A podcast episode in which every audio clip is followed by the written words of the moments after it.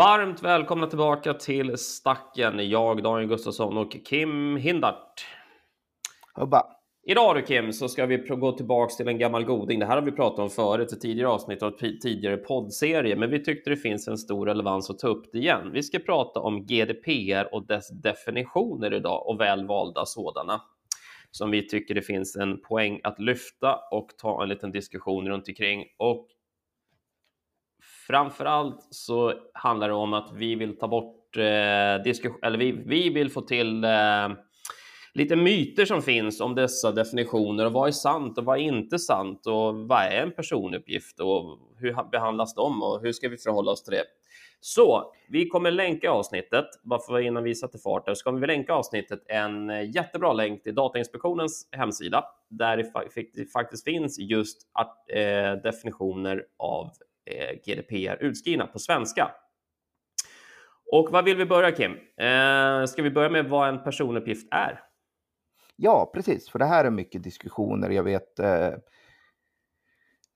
man möts mycket av just det här företag som säger nej men GDPR gäller inte oss för vi har inga personuppgifter. Mm. Och då tycker man, aha, intressant. Och varför anser ni att ni inte har det? Nej, nej, nej, men vi har inga personuppgifter och det här är en gammal myt. Ja, dels tror jag att det var väldigt mycket PUL som fortfarande är ett problem där.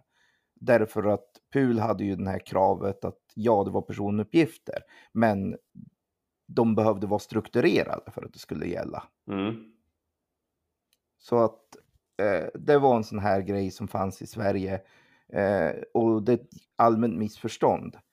Det var precis lika mycket personuppgifter enligt PUL tidigare också. Det var bara att en laget i Sverige, lagen i Sverige gällde enbart strukturerad data och inte ostrukturerad data. Mm. Och det här är en viktig, viktig definitionsgrej i GDPR. GDPR har tagit bort det. Det är en gammal svensk företeelse som inte finns längre. Strukturerad eller ostrukturerad data spelar ingen roll. En personuppgift är en personuppgift. Och då om man läser artikeln direkt, varje upplysning som avser en identifierad eller identifierbar fysisk person som kallas registrerad då, längre mm. neråt. Så ja. Varvid en identifierbar fysisk person är en person som direkt eller indirekt kan mm. identifieras särskilt med hänvisning till en identifierare som ett namn, ett identifikationsnummer, en lokaliseringsuppgift eller online identifikationsfaktorer eh, eller en eller flera faktorer som är specifika för den fysiska personens fysiska, fysiologiska, genetiska, psykiska, ekonomiska, kulturella eller sociala identitet. Så att här måste vi vara noggranna med att en personuppgift är en eller flera grejer som kan kopplas och på något sätt identifiera du är du. Och det kan vara en kombination av flera grejer. Eller det kan vara liksom enskilda grejer. Om jag får tag på ens telefonnummer mm. så kan man vara ganska säker på att det är oftast personligt idag. Det är en mobil kopplad till en enskild individ mm. som man går runt med. Så helt plötsligt är det telefonnummer en personuppgift. En e-postadress till exempel, det finns ju sådana här grupplådor, info någonstans mm. eller så. Men däremot så är det ju allt vanligare att en e-postadress idag är den personliga e-postadressen. Ja ja, där är det ju en enskild individ bakom direkt. Så då är postadressen en personuppgift.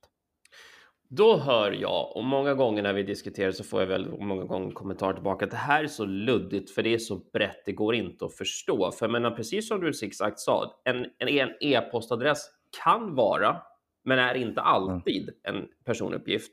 Ett telefonnummer kan vara, men är inte alltid en personuppgift. Och hur ska man kunna ha en chans att hålla isär det här? Det är ju jättesvårt. Ja, precis.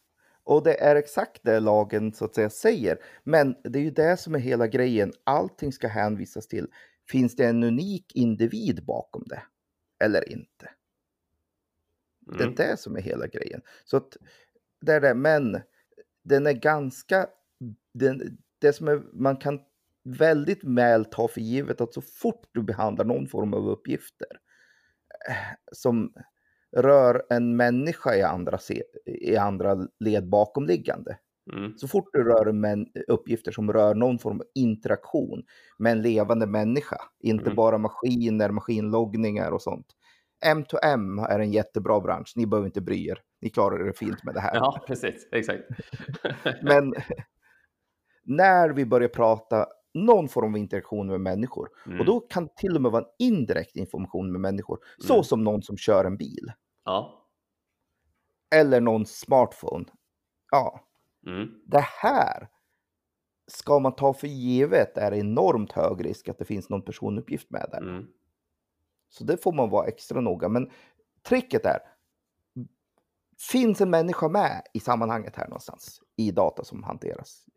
Svaret ja på det. Mm. Ja, då ska man börja ta för givet med en gång att det här måste, kan röra sig om personuppgifter. Mm. Och då mm. måste man börja titta på det så att säga. Så att med det sagt, det är enormt brett vad som är en personuppgift.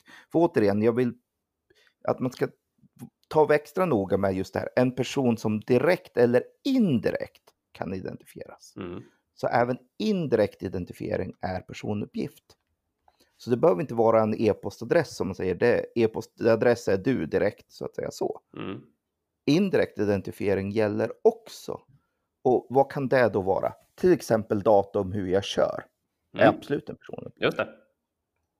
Eh, spårning av min telefon var jag varit är direkt en personuppgift så att säga. Men det behöver inte bara vara det. En logg av en chatt på Facebook är till exempel en personuppgift. Ja, om det kan spåras till en individ. Mm. Mm. Eftersom det beror på vad som står i den loggen. Men om jag har ett speciellt sätt att skriva på så kan mm. man indirekt identifiera mig. Mm. Så att, ja, det här är en extremt bred grej. Ja. Men kan vi, slå fast, kan vi slå fast en sak, om vi ska köra lite mythbusting när vi ändå håller på. Kan vi mm. slå fast en sak?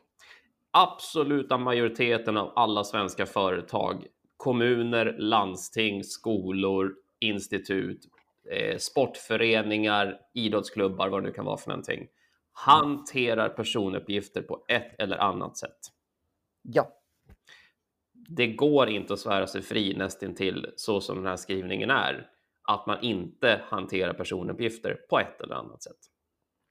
Så att jag brukar säga regeln är är en människa involverad på något sätt? Är det ett medlemsregister? Är det liksom någonting? Jag, jag pratar med en skola som säger, nej men vi har inga personuppgifter. Mm. Jo. Har ni en klasslista? Ja. ja. Ja, men det är en personuppgift. Nej, det är en klasslista. Jo, det är en personuppgift. Ja. Med det sagt så naturligtvis är det inte förbjudet att ha klasslistor. Nej. Utan vi ska gå vidare med det. Ja. Hur behandlar man det? Exakt. Men men att vi behandlar dem, det det, att vi har Men, dem, det ja. kan vi slå fast. Låt oss börja med att ja, GDPR gäller. Så att finns det någon form av digital information som på något sätt kan kopplas till en människa, ta för givet att det är en personuppgift då. Mm. Och ta för givet att ni måste titta på GDPR och se hur behandlar vi det här. Exakt. Och bara för att slå, slå, slå ihop en sak till då. När vi säger GDPR, ja, det står ju för General Data Protection Regulation. Det är EUs benämning av den nya dataskyddslagen. Ja. I Sverige så heter den dataskyddsförordningen för att vara tydlig, men det Precis. är GDPR som är inskriven i svensk lag. Så när ni läser om dataskyddsförordningen så är det GDPR man pratar om. Det är bara att vi i Sverige satt ett eget namn på det, så det är inte att Sverige har en egen lag som vi har twistat och, och vänt på så som vi kände för, utan det är GDPR rakt av inskriven i svensk grundlag. Eh, men den heter dataskyddsförordningen. Eh, om vi går vidare då, då Eh, när vi konstaterat att vi har massa eh, personuppgifter som vi nu har konstaterat att det har ni med absolut största sannolikhet på ett eller annat sätt i era system som ni antingen hanterar, lagrar eller bara på ett sätt förvaltar. Då kommer vi till nästa definition och det är behandling.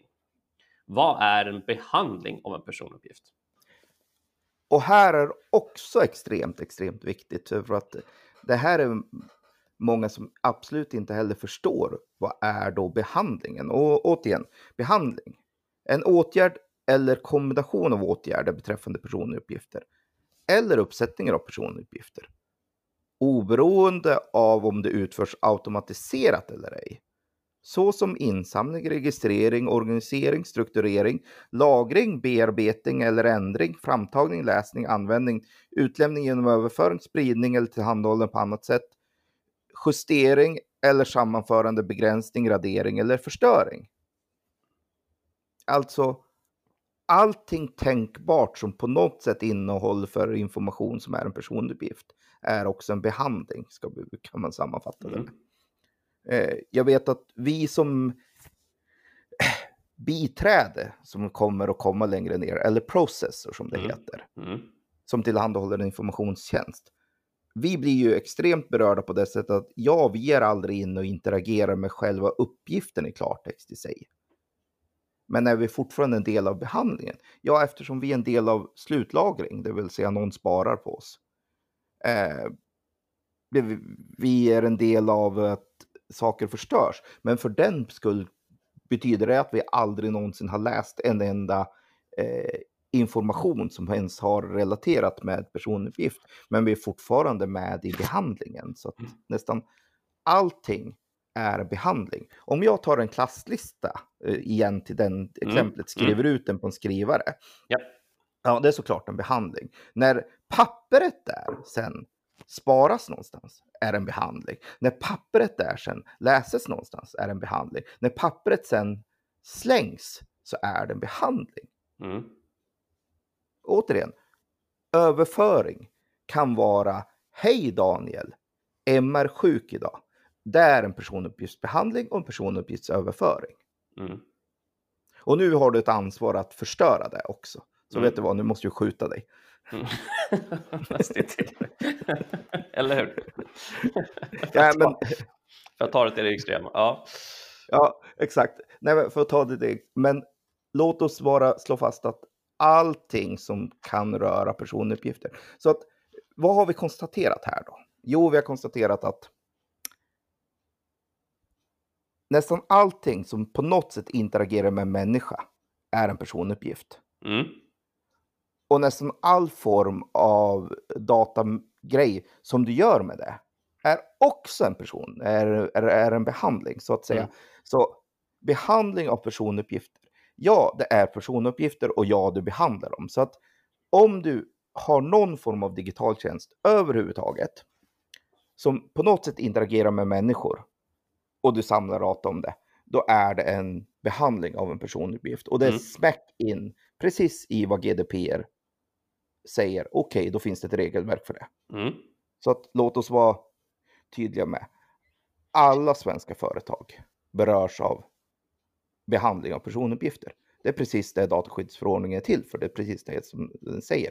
Behandling av personuppgifter är hela förordningen. Mm. Det är en förordning bara enbart om behandling av personuppgifter. Men för att vara extremt tydlig, ja, är du delaktig i behandling av en personuppgift så fort du är minsta delaktig i någon form av information som rör människor eller kommer från människor eller interagerar med människor som i sin tur då en, någon form av digital, går igenom någon form av digital process, Mm.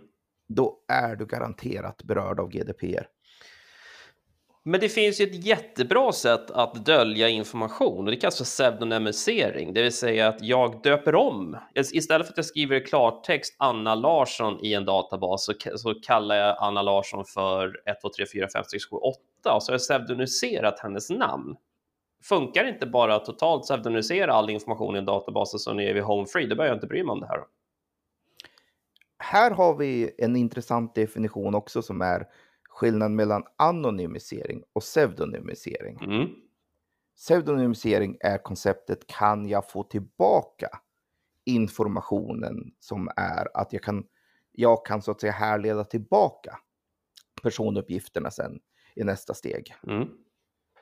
Ja, då är de fortfarande precis lika mycket personuppgifter. Mm.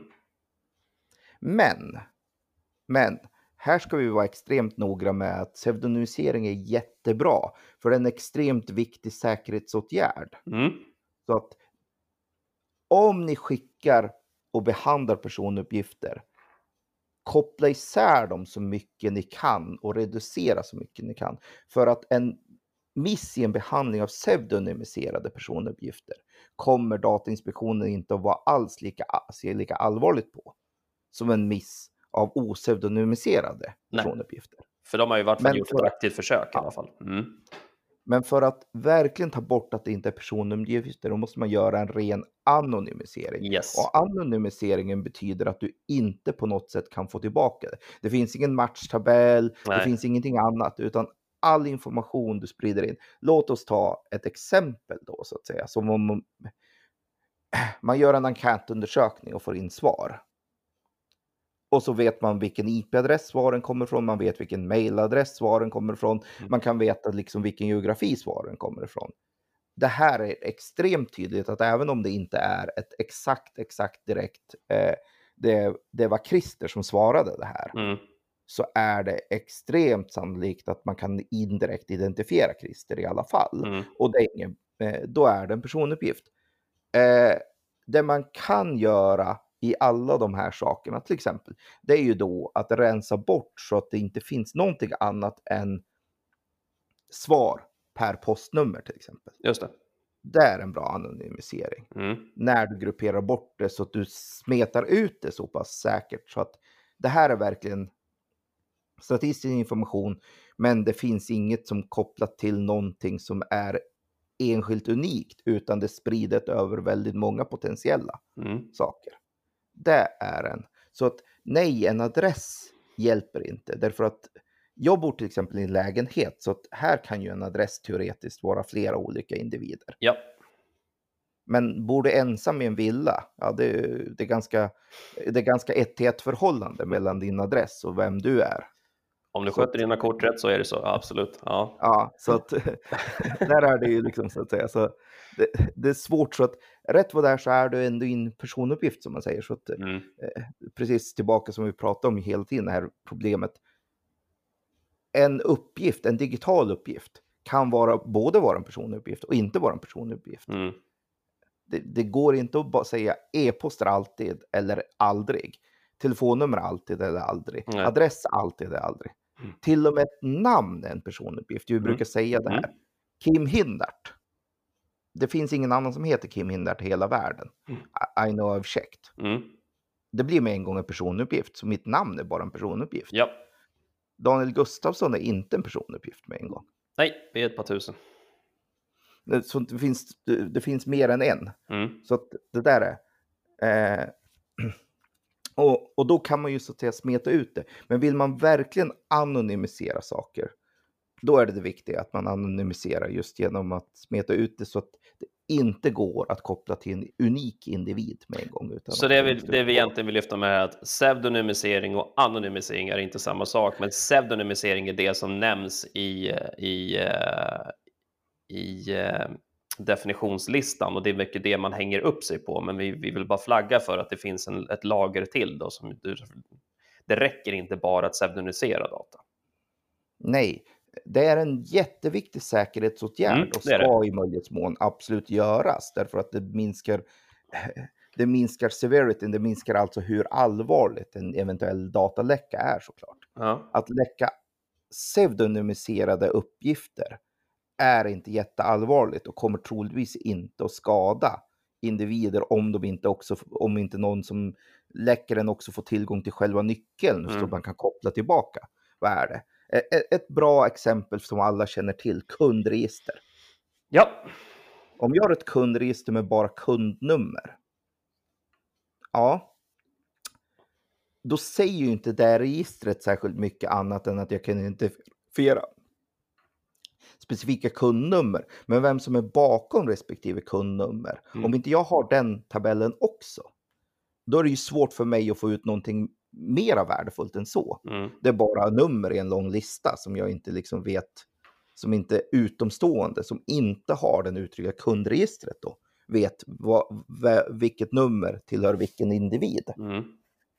Så att det är ju smidigt och ett bra sätt att försöka hålla sig säker på det sättet att minimera allvaret genom att ha de här nyckelkopplingarna Mm. så extremt hårt inlåsta och skyddade man bara kan. Och sen bara ha eh, pseudonymnummer i all annan behandling. I händelse av att det skulle råka läcka någonstans så kan man inte bara härleda tillbaka det till en individ hur som helst. Precis. Så, ja. så det är jättesmidigt. Så kundnummer, bra grej. Och nej, vad ni än gör, använd inte personnummer som kundnummer. Sluta med det omedelbart. Ja, nej, det är ingen bra grej. Personnummer är jättesmidigt för att man identifierar en unik individ med en gång, ja. Mm. Men det är inget bra att ha i register. Därför att personnummer är extremt känslig personuppgift med en gång som bara dyker upp. Så att nej, så Och det leder oss in på nästa del som jag tänkte vi ska ta upp här. Och det är ju precis det du nämner. Det finns ju faktiskt någon som äger uppgifterna som du behandlar. Den som är personuppgiftsansvarig. Och här nu så ska vi sätta fart på en riktig härlig harang av jidder och fram och tillbaka, hopp fram och tillbaka och en jättekonstig karta kan det bli när man är slut. Och det handlar om vem är personuppgiftsansvarig? Vem är dataansvarig, det vill säga data controller och vem är dataprocessorn, data processor i botten? Och när är jag olika saker i olika sammanhang? Hur ska vi börja reda ut den här? Ska vi börja med vad är en data owner, det vill säga en personuppgiftsansvarig till att börja med? Ja, precis. Om vi börjar med personuppgiftsansvarig. Det är alltså en fysisk eller juridisk person, offentlig myndighet, institution eller annat organ som ensamt eller tillsammans med andra bestämmer ändamålen och medlen för behandling av personuppgifter. Det vill säga, hej, registrera dig på min sida här. Så får du ett nyhetsbrev. Mm. Vem är det då? Det är alltså tillbaka till att ytterst ansvar är det den som då alltså bestämmer vad ska jag göra med de här uppgifterna? Varför samlar jag in de här uppgifterna? Mm. Vad ska jag ha dem till? Den som bestämmer att jag nu tänker faktiskt samla in de här uppgifterna. Det är an, den är alltid ansvarig. Så att den som alltid är den första kontakten mellan mig som människa och uppgifter som rör mig som individ. Och sen, vad ska jag då faktiskt göra med de här uppgifterna? Det är den ansvariga. Mm. Så att, eh, det är ju det. Och då ska man ju vara medveten om att det här är så pass komplext av att exakt samma uppgifter, till exempel namn och adress, det är ju exakt samma uppgifter. Mm. Men baserat på att i vissa sammanhang kan jag ha de uppgifterna som ansvarig. Mm. I vissa sammanhang kan jag ha de uppgifterna som biträde. Mm. Så att en och samma juridiska person kan både i många sammanhang vara ett ansvarig och ett biträde. Ja. Och hur håller man koll på det då? Och det här är extremt. Och allting handlar om vad var ändamålet till de här uppgifterna? Mm. Hur har jag fått de här uppgifterna? Mm. Exempel till exempel. Företaget A samlar in uppgifter för att de behöver sk- skicka ut fakturor. Kund lägger beställning på deras nät, de samlar in uppgifterna och de vill skicka fakturor. Mm. De anlitar en firma som bara gör fakturor. Låt oss kalla det att det finns fakturautskicksfirman. Kalla den ett sånt här namn, posten. Ja, typ. Ja. adressuppgifter posten får från kund A Mm. för att skicka ut fakturor. Mm. Nu är posten ett biträde i behandlingen. Japp. För det är som vi konstaterat, det är personuppgifter fortfarande. Mm. Och det är en behandling av uppgifterna. Men posten är då biträde, för det är någon annan som har bestämt att de här uppgifterna vill jag samla in för ett ändamål. Och ett typiskt ändamål till exempel betalningar fram och tillbaka. Det är ett Mm. jättebra ändamål Ja. och det är fullt lagligt. Notera det. Man ska inte vara rädd för det här heller. Nej. Alltså GDPR gör inget, gör inget som helst skäl till att man inte ska behandla personuppgifter. Man vill bara att man ska behandla personuppgifter i kontrollerad form. Mm. Ja, återigen då. Så. Okej. Någon ska skicka fakturor och då blir posten biträde. Mm. Men posten i sig har ju ett universellt adressregister för att kunna säkerställa sin myndighetsmandat Mm. av att utöva postleverans. En adress finns ju såklart både i postens postregister Mm. och i inkommande brevutskick.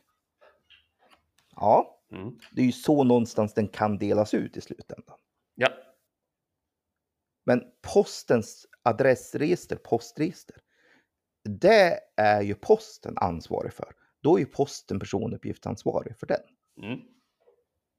Eftersom det är de som då styr och kontrollerar hur hanterar vi och hur behandlar vi vårt postregister? Hur ansvarar vi för att det låses in? Vem får titta i det? Vem får komma åt det? Vem får strukturera det? Och så vidare och så vidare. Det är ju då posten som är den ansvariga juridiska personen. Så att exakt samma uppgift här kan både vara eh, så kan göra att man både är ansvarig och ett biträde. Och här är det olika regler vad som gäller i de olika sammanhangen.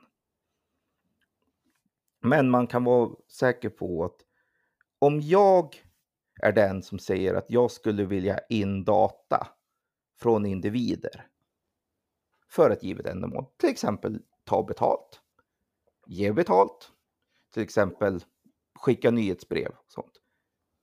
Slutför att om det är jag som individ, som företag, som på något sätt vill ha in någonting för att göra någonting. Registrera en kund, ett jättebra exempel som alla känner igen. Då är man ansvarig, kan man ta för givet. Precis. För att då är det ens fulla ansvar att säkerställa i GDPR. Hur sker den här behandlingen?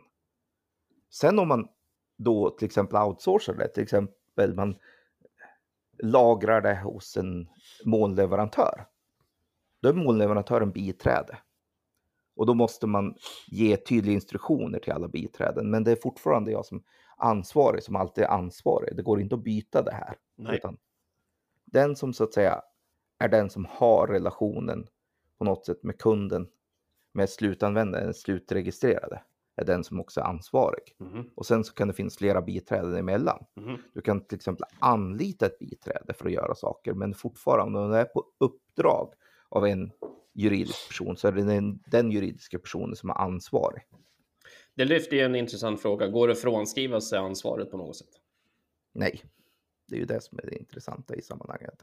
Att så fort du vill på något sätt behandla en personuppgift, det vill säga, och då som, tillbaks till behandling då, någon form av insamling, någon form av registrering, automatiserat eller inte, men någon form av liksom användning av det som är personuppgift. Så att Mhm. väldigt mycket som rör eh, interaktion med människor är en personuppgift. Någon form av bara nysa åt det i princip, nej men digitalt, någon form av digital process är en Ja. behandling. Precis. Ja. Och då finns det alltid en ansvarig. Och den ansvariga är alltid den som, på, som så att säga initierat den här processen på något sätt. Den är ansvarig. Mhm. Mm. Men det här är, Så. för att vara tydlig, det, den här definitionen är just vem är vad i vilket läge. Jag tror det är där man kollar bort sig mest. För det är rörigt som tusan, för som du sa, man kan ju vara ett personuppgiftsbeträde i ena änden och ska man vara ansvarig nästa andetag för samma personuppgift, typ. Och Ja, det här exakt, gör att det blir jäkligt stökigt. Ja. Och är det ren data informationshanteringsgrej, exakt samma information, exakt samma data, Mm. kan man både vara ansvarig och biträde på samma gång. Just det. För att det beror helt på hur har man fått uppgifterna, i vilket ändamål de har fått uppgifterna. Mm.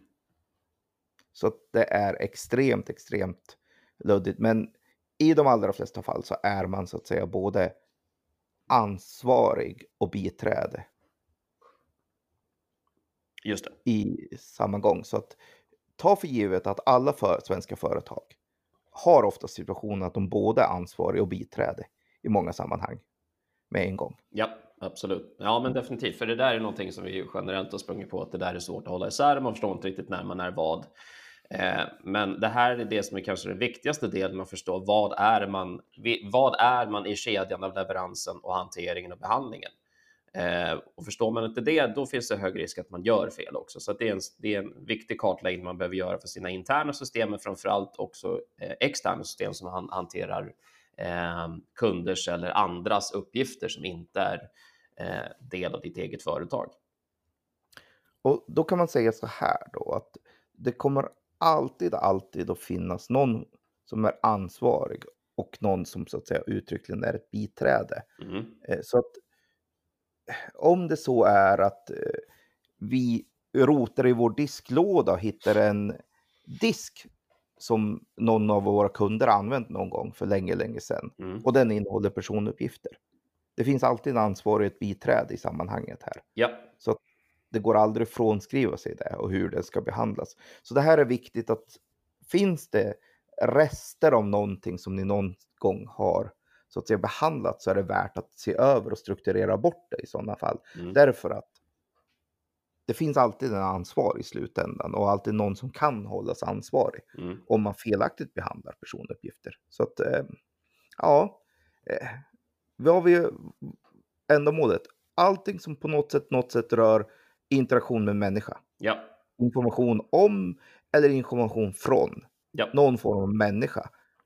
Ta för givet att det är en personuppgift. Är den digital på minsta sätt, ta för givet att det är en behandling av personuppgift. Mm. Är flera involverade, ja, säkerställ vem är det som initierat, vem är det som så att säga styr, hur ska den här behandlingen gå till? Det är den ansvariga. Mm. Och om det landar på dig, om du som juridisk person inser att vänta nu, ja, det är ju faktiskt jag som ville ha de här uppgifterna för någonting. Som ska göra det. Det är jag som har satt igång dem, det är jag som har initierat det här. Mm. Ja, vet du vad, då är det du som är ansvarig. Så att, som sagt, tänk på det. Om vi ska hoppa neråt lite i listan här då. Mm. Eh, Det vi har pratat om hittills har allting fallit under artikel 4 i definitionerna av dataskyddsförordningen GDPR.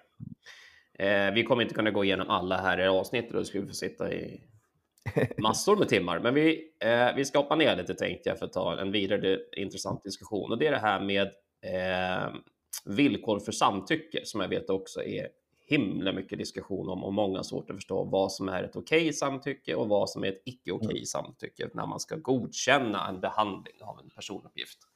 Hur ser det Ja. ut i artikel 7 då som vi pratar om? Yes. Och det är det här alltså att det finns ju olika vägar för det finns olika vägar för att man ska ha laglig grund för att behandla personuppgifter. Det är det hela GDPR går ut på. Du måste ha ett lagligt skäl att behandla personuppgifterna. Mm. Du får inte bara ta personuppgifter du hittar, ens om du hittar dem på nätet publicerat offentligt, så får du inte bara ta dem och behandla dem utan att det finns någon form av grund för dig att göra det. Så att det här är också väldigt tydligt som är viktigt på, ja men jag kan ju köpa marknadsföringsdata av Facebook. Mm. Det kan du absolut göra. Men då måste du vara säker på att de uppgifterna du köper av Facebook som faktiskt är personuppgifter till stor del. Ja, okej. Är de personuppgifter? Ja, de är personuppgifter. Mm. Ja, och jag har köpt dem. Ja, finns det laglig grund för att du ska få behandla dem? Just det. att jag köpt, betalat Facebook för att få uppgifter är absolut inte en laglig grund för att behandla det. Nej. Utan det måste basera sig på någonting som den registrerade, alltså den du har, har godkänt eller att det måste finnas något eh, underliggande skäl för dig att du ska få göra den här behandlingen. Att betala marknadspengar till till exempel Google, som jag vet att det var ett tidigare avsnitt vi har pratat om just det här med. Google åkte på straff Mm. att jag som en juridiskt företag köper uppgifter från Google Mm. är inget sätt garanti för att det är en laglig behandling av de uppgifterna jag köper från Google. Nej. Det måste man då sätta som krav som köpare ganska hårt att okej, de här uppgifterna nu jag får från det, er kära Google. Vi har sett att det är personuppgifter. Mm. Ja. Har ni laglig grund för hur ni har samlat in de här? Och vad är mina villkor då som laglig grund för att faktiskt få behandla de här? Att jag har ett avtal med Google är totalt irre- irrelevant. Du är precis lika olaglig för det. För att du får inte ens behandla dem. Nej. Nej. Eh, säg så här. Det är ju inte olagligt för vissa registrerade företag att hantera droger. Nej. Det finns ganska många som kan hantera droger. Ja. Ja. Och även om de lagligen får sälja droger så är det inte lagligt för mig att gå och köpa det hur som helst. Nej.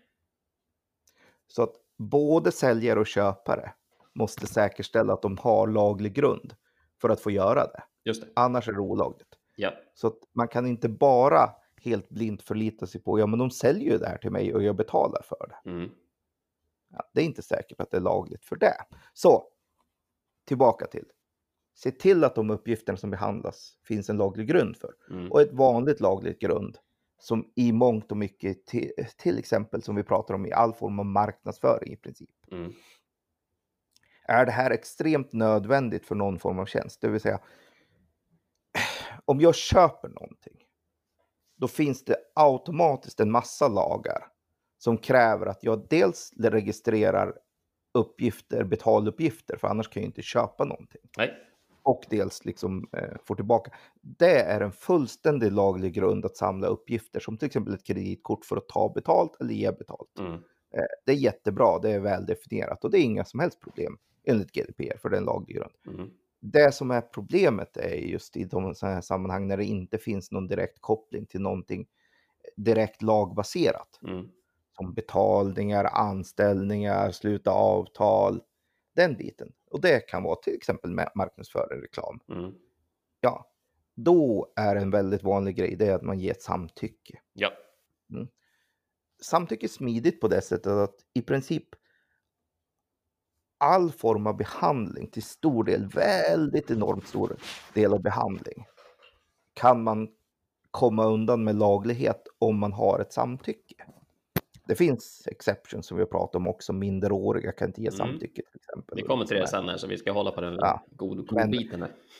godbiten. Mm. Men samtycke kan friskriva dig enormt om du vill ha en laglig grund för behandling. Mm. Problemet med samtycke är just som regeln säger, att du måste ha varit extremt tydlig med vad, vad är det för uppgift du vill ha Ja. och hur tänker du behandla den. Mm. Och då får du inte behandla den på något annat sätt än det de har gett samtycke till. Nej, precis. Eller sälja vidare i tredje led. Precis. Mm. Ja. Och dessutom som den står tydligt, den registrerade, alltså individen själv, ska när som helst kunna dra tillbaka sitt samtycke. Och då Ja. måste upp, behandlingen upphöra omedelbart, överallt. Mm. Även om du har 52 stycken biträden runt omkring någonstans som Mm. gör olika saker med det du har fått in som samtycke. Så fort individen säger nej, sluta, då ska det sluta. Mm. Så det krävs ju enormt mycket mekanismer också för att ta hand om just det här med Mm. samtycke. Mm. Och precis som vi har sagt, ta bara enkla scenariot, en e-post. En e-post kan vara personuppgift, ja det har vi konstaterat. Mm. Eh, och så registrerar man sitt företag och jag har min e-post för att få kvitton från en betalning. Jättebra, finns laglig grund för det och inga problem. Mm. Men exakt samma e-post kanske jag får nyhetsbrev på också. Nyhetsbrev är kopplat till samtycke. Men det betyder inte att jag måste radera e-postadressen, för jag behöver ha kvar e-postadressen för att kunna skicka fakturor och kvitton. Mm. Så att det här är tillbaka till hur är behandlingen? Vad exakt är behandlingen? Mm. Och då måste jag hålla koll på den här e-postadressen från den här kunden. Exakt samma data, exakt samma information. Hur får jag behandla den? Har jag samtycke för nyhetsbrev på den? Ja, det har jag. Har, har jag inte det? Nej, då är det bara kvitton och räkningar till exempel. Mm. Men med det sagt, får jag behandla den? Ja, det får jag, men i vilket ändamål? Mm. Om ändamålet är till exempel nyhetsbrev, så nej, då är det. Så det här är också jätteknepigt i sammanhanget, men det Mm. krävs enormt mycket att man har koll på. Vad är det man gör och varför? Och då, vad är grundändamålet och har jag samtycke för ändamålet eller har jag någon annan laglig grund för just den här behandlingen? Just det. Så det är, men ja, samtycke är knepigt just för Du ska när som helst kunna ta tillbaka ditt samtycke också. Ska vi göra samtycket ännu lite knepigare och dra in barn i diskussionen? Artikel 8. Yes. Om jag läser högt. Villkor som gäller barns samtycke avseende informationssamhällets tjänster. Det är rubriken för artikel 8. Mm. Punkt 1. Vid erbjudande av informationssamhällets tjänster direkt till ett barn ska vid tillämpningen av artikel 6.1 A. Behandling av personuppgifter som rör ett barn vara tillåten om barnet är minst 16 år.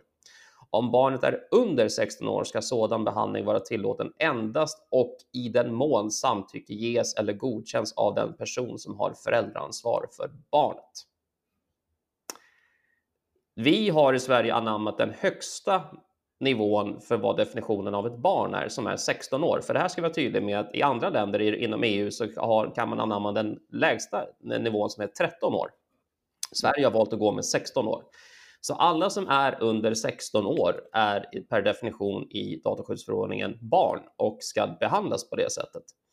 Eh, och då måste föräldrar helt enkelt vara med och tycka till om det är okej okay att köpa, bruka tjänster som är baserade på internet av eh, ungdomar under 16. Så alla ni som på något sätt har någon form av kontoregistrering ni har en skyldighet att säkerställa att det inte är folk under 16 år som registrerar sig. Mm. Surt va? Verkligen. Men så är, så är det och det är inget att snacka om. Det är väldigt tydligt. Så ja, så att det är det. Och här är det ju extremt intressant därför att jag vet inte vad du säger, men jag vet jag vet åtskilliga barn, mitt inkluderat, som ja. är på internet utan att vara 16 år, om jag säger så. Då. Ja, jo, det, det, finns väl ett par stycken i världen och i Sverige som befinner sig där och nyttjar tjänster. Men det här handlar ju framförallt om insamling, uppgifter och köp mm. naturligtvis. Då. Ja. Så att det är ju men... inte olagligt för ett barn att under 16 att vara på internet, det är inte det lagen säger, men däremot så definitionen av just behandling eller godkännandet av ja. behandling av personuppgifter, där måste mamma och pappa vara med och tycka till under 16 år.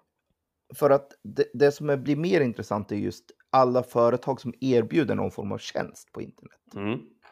Här har ni ett problem att brottas med som är lite svettigt just mm. eftersom det är så att godkännanden, vilken som helst godkännande, en pop-up som säger hej, acceptera cookies. Mm. Om det är någon under 16 år som trycker på den, då är det inte giltigt. Då är det en olaglig behandling av er. Mm. Ta-ta! Mm. mm. Inte helt elementärt och helt enkelt, men det här är intressanta problembilder just ur, ur det hela. Och nej, naturligtvis, du kan inte ha först är du över 16, acceptera cookies sen. Det blir också knepigt. Så att här får man vara smart i sin idé hur man designar sina tjänster lite mm. grann. Därför att ja, det kommer att bli issues. Därför kommer det vara så att det finns barn under 16 som är ute och surfar? Ja, det kommer det absolut vara. Ja. Kommer de barnen att komma till sajter som säger jag har cookies? Ja, det är ett väldigt bra exempel, snabbt exempel. Ja, det kommer det vara. Mm. Det är fullständigt olagligt för dig att acceptera att fortsätta med behandling om någon trycker jag accepterar cookies som är under 16 år, bara så vi är tydliga med vad lagen faktiskt säger. Mm. Sen är appliceringen av det här, den är ju inte glasklar kan jag säga. Eller nej, gud nej. För det är, hur ska vi då garantera att det var mamma och pappa som var med och godkände det här? Ja, det är nästa fråga då. Och hur yes. vet vi att det inte var en 14-åring som bara tyckte det var kul i alla fall. Alltså det här, för att vara tydlig, den här är jätte, jättesvår i praktiken, men det är vad som står i lagen är exakt mm. den texten och sen finns det lite tillägg till så ni kan få läsa till också. Men just mm. det faktum att bara det egentligen vi vill highlighta är att alla under 16 år är per definition barn i Sverige. Sen kan det vara andra länder som jag sa har som man kan anamma den lägsta nivån som är 13 och några kanske har 14 och några kanske har 15. Men där mellan spannet 13 till 16 år är där man behöver sätta vad man har per definition barn och Sverige har valt att gå med den högsta nivån. Mm. Och ja. ja, kör. Ja, och det här är ju extremt intressant och tillbaka till återigen. Eh, ska det här ha gått lagligt till egentligen så ja, i praktiken så ska man ju som leverantör av någon form av tjänst behövt samlat in en försäkran om att föräldrarna har godkänt den också. Mm. Så att det här är, det är en knepig, det är ett knepigt varv. Så det, eh, det finns sådana som gör det här väldigt intelligent på sina håll och så finns det sådana som bara totalt skiter i det här. Mm. Eh, så att det får man också titta lite på. Men en tydlig grej som jag tänker alla föräldrar som har barn i någon form av lite mer ålder som börjar röra sig själv, appar. Ja, Nu, kanske ni känner igen, kanske ni har hört talas om. Ja. kanske ni har hört talas om och kanske att barnen vill ha en massa appar. Mm. Är det personuppgifter i appen? Jag har garanterat Ja. eftersom som vi pratar om hela tiden, så fort det är någon form av interaktion så Mm. blir det en personuppgift per automatik och en app som så att är knuten. Så, Ja, telefonen Ja. har en IP-adress till att börja med som kan härledas till individen, så vi börjar den änden. Så. Ja. så lite så här. Så, ja, Mm. Så att absolut, appar. Här är det ju olika hos olika apptillverkare hur de har gått tillväga med det här. Mm. Men jag har sett extremt bra och smarta exempel och också helt horribla exempel. Men Mm. i sammanhanget också, kära föräldrar. Läs lite villkoren till apparna som era barn håller på med. Ja, Det krävs en involvering i vad era barn gör. Det är, inte det är ifrån. inte okej att säga att det var för lång text, jag orkar inte läsa den, så jag klickar bara okej och gick vidare. Jag är hemskt ledsen. Det är väldigt lång text, oftast ganska juridiskt stökig text som står där, men ögna igenom den i alla fall om det står någonting helt uppenbart jättehorribelt som ni inte går med på, för då ska ni inte köra den appen. Men att bara säga det var för långt och stökigt så vi, vi godkände bara och jag förstod inte vad som stod, det är inte en godtagbar ursäkt heller längre, utan eh, läs på ta er de fem minuterna och, och gör det. Det kan vara rätt relevant om ni är, om ni är rädda om era barns personuppgifter. Yes. Ska vi ta en sista, sista sväng på det här? Jag vet att det här var en enorm korvstoppning och en refresh. Förhoppningsvis har ni kanske stött på begreppen och hört det här tidigare. Men vi kände att, vet du vad? Repetition är, är bra för all form av träning. Så här fick ni en ny recap av Ja, precis. personuppgifter. Därför att eh, det är för mig intressant att det är fortfarande på definitionsstadiet som mycket debatt förs. Ja. Nej, men vi har inga personuppgifter. Jo, det har ni visst. Mm. Nej, men vi gör ingen behandling. Jo, det gör ni visst. det. Mm-mm. Nej, men vi är inte delaktiga i någon behandling. Jo, det är ni visst. Och, så att det- det är lite det här. Eh, ett jättebra exempel som var en bra försvar. Det var när en teleoperatör sa att vi läckte vårt kundregister, men det är inga personuppgifter det, tack och lov. Mm. Eh, Ursäkta mig. ja, men det Ja, säger väl en och- hel del om inställning till det här. Och ju framför allt det faktum att det är, och också för vilket man lägga till, nej, ni kan inte göra en egen definition av vad ni tycker är en personuppgift eller vad ni tycker är en behandling och säga att det är vår definition så det är den som gäller. Det är inte heller okej. Det här är svensk grundlag. Det är direkt jämförbart med att köra för fort eller att inte köra för fort. Det är inte krångligare än så. Står det 70 på skylten och du kör 90, vet du vad, du kör det fort. Din definition av vad 90 för dig är 70 är inte sann. Så att det här är samma sak. Det som står per, i dataskyddsförordningens definitioner är det vi måste förhålla oss till. Debatten sen kan vi ta om hur lätt den är att applicera på verkligheten. Ja, men det är en mer relevant diskussion. Mm. Med din egen definition av vad jag, vi tycker så här och då är det vår definition. Nej, då är det er åsikt. Det här är definitionerna och ingenting annat. och som man märker, definitionen är extremt vida. Väldigt. Så att det är medvetet, de är inte specifika. Och var väldigt medveten om då också att tillämpningen är också på det sättet. Så att ta för givet att ni har personuppgifter och ta för givet att ni behandlar personuppgifter så Mm. fort det rör människor. Det, det är bara grundåsikten som vi repeterar om och om igen. Därför att annars så, ja, troligen så är det inte helt okej det du gör. Nej. Eh, sista artikeln, behandling av särskilda kategorier. Av Mm. Ja, artikel 9. Vad, är då, sär- vad är då en särskild kategori? Ja, vad är det för någonting? Ska vi titta på vad som står? Eh, behandling av personuppgifter som avslöjar ras eller etniskt ursprung, politiska åsikter, religiös eller filosofisk övertygelse eller medlemskap i fackförening och behandling av genetiska uppgifter, biometriska uppgifter för att, att entydigt identifiera en fysisk person uppgifter om hälsa eller uppgifter om en fysisk persons sexualliv eller sexuella läggning ska vara förbjuden. Good luck with that. Så. Uppgifter som avslöjar ras, Mm. etniskt ursprung, Mm. politiska åsikter, religiös eller filosofisk övertygelse. Är du vegetarian, ja eller nej? Mm-mm. Ja. Filosofisk övertygelse, särskilda kategorier personuppgifter. Mhm. Och jag vill poängtera den absolut sista frasen här. Den sista delen ska vara förbjuden. Ja. Så det är uttryckligen förbud utom väldigt specifika undantag. Men det är uttryckligen förbjudet Mm. genomgående. Den här är tuff. Den här är jättestökig. Jag menar filosofisk övertygelse, det kan vara rätt mycket. Ja, och då tänker alla, "Ah, men så rimligt, det är ju jättevitt. Ja, det är jättevitt. Det är Mhm. helt rätt. Och de tillämpar den jättevitt också. Helt rätt, så förbereder på det. Ja.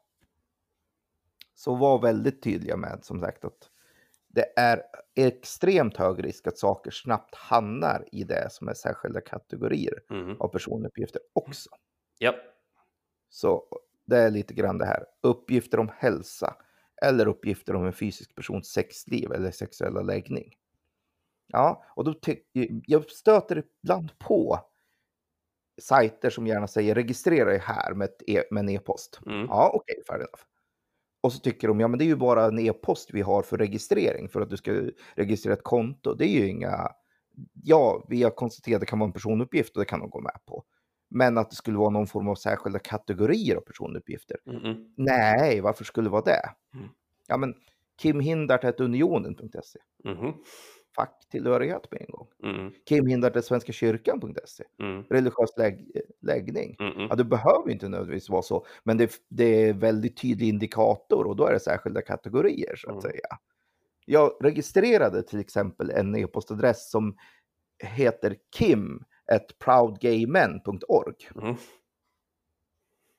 bara för att tydliggöra just det här problemet att om du har en registrering av där du registrerar e-postadresser, en e-postadress kan vara en särskild kategori personuppgift med en Mhm. gång också. Mm. Den kan avslöja Ja. jättemycket. Så att det är ingen friskrivning alls. Nej. Vad ni måste göra, nu förundrar folk, herrejösses hur ska jag göra nu med all registrering? Nej, lugn i stormen. Mm. Var bara tydlig när du gör själva registreringen att observera den här behandlingen är inte tänkt för speciella kate- särskilda kategorier personuppgifter. Nej. Så vill ni vara anonym, registrera en e-postadress som är anonym, inte som är en personbunden e-postadress. Mm. Är det man ska ge. Och om man har den lilla disclaimern så är man faktiskt väldigt safe. Mm. Men tänk på att lägga till den disclaimern när ni erbjuder något sånt här bara för att just det finns storgökar som jag som till exempel medvetet provocerar med att göra en extrem e-postadress som bara är särskilda kategorier Mm. bara för att retas. Och sen Mm. så, ja, ja, och så till och med så hittar jag eh, ja, eh, släktingar som är under 16 som gör dessutom också en sån liknande e-postadress. Och då, Bara för att då, då, 16 då drar vi in barndiskussionen i det här också. Ja, bara för att liksom ställa till det ännu mer. Så att Mm. nej, tänk på vad ni gör när ni, när ni beställer ut sammanhang så kan ni faktiskt friskriva er från att folk gör fel genom att tydligt säga det här är inte avsett för det här. Nej. Gör inte det, det är absolut inte avsett för det. Då har ni en bra safe out för det. Mm. Men som sagt, nej. Men vad man ska tänka på är just att du kan inte heller bara säga e-post är personlig uppgift eller inte personlig uppgift. E-post är särskild kategori personlig uppgift eller inte. Mm. Ja, det kan vara allt i olika sammanhang till och med. Ja. Kan det vara allt. Precis. Så det är, ja, den, den är knepig, men just det är det. Men vad man ska tänka på att ta med sig då är ju särskilda kategorier ska vara förbjuden. Ja. Så. Grundförutsättningen är att du det är förbjudet att ens behandla sådana här uppgifter. Det är grundförutsättningen. Mm. Och sen så finns det vissa ordentliga undantag för det. Men grundförutsättningen måste man utgå ifrån. Mm. Är att det är förbjudet att behandla sådana här uppgifter. Tufft va? Det är så här, ja. Ja, det är hårda bud. Det blev ett långt avsnitt idag Kim, men det är bra. Jag tror att det här var viktigt. Eh, därför att vi hör det här för ofta och eh, definitionerna är de som gäller för svenska dataskyddsförordningen slash GDPR och ingenting annat. Det finns ingen egen tolkning eller eget hittepå eller utrymme för egna definitioner. Det finns en lag och det är den vi ska förhålla oss till. Sen kan vi alla vara överens om att de definitionerna kan vara tuffa och svåra att applicera i verkligheten, men det är det vi har exempelvis eh, Datainspektionen till, eh, som då ska vara den granskande nämnden för hur vi hanterar det här. Eh, har du frågor på dessa definitioner? Vi kommer naturligtvis länka det vi har pratat om i avsnittet så du kan läsa på, för det är mycket, mycket, mycket, mycket mer än vad vi tog upp idag på den här timmen. Men Läs igen den, vi länkar i avsnittet. Har du några övriga frågor som du vill ta upp angående GDPR, definitioner eller något annat i denna diskussion, hör av dig till oss på citynetwork.se stacken, alternativt våra sociala medier, Youtube, LinkedIn. Nu Kim, idag stänger vi butiken för den här gången. Hubba, hubba, hubba, hubba, hubba.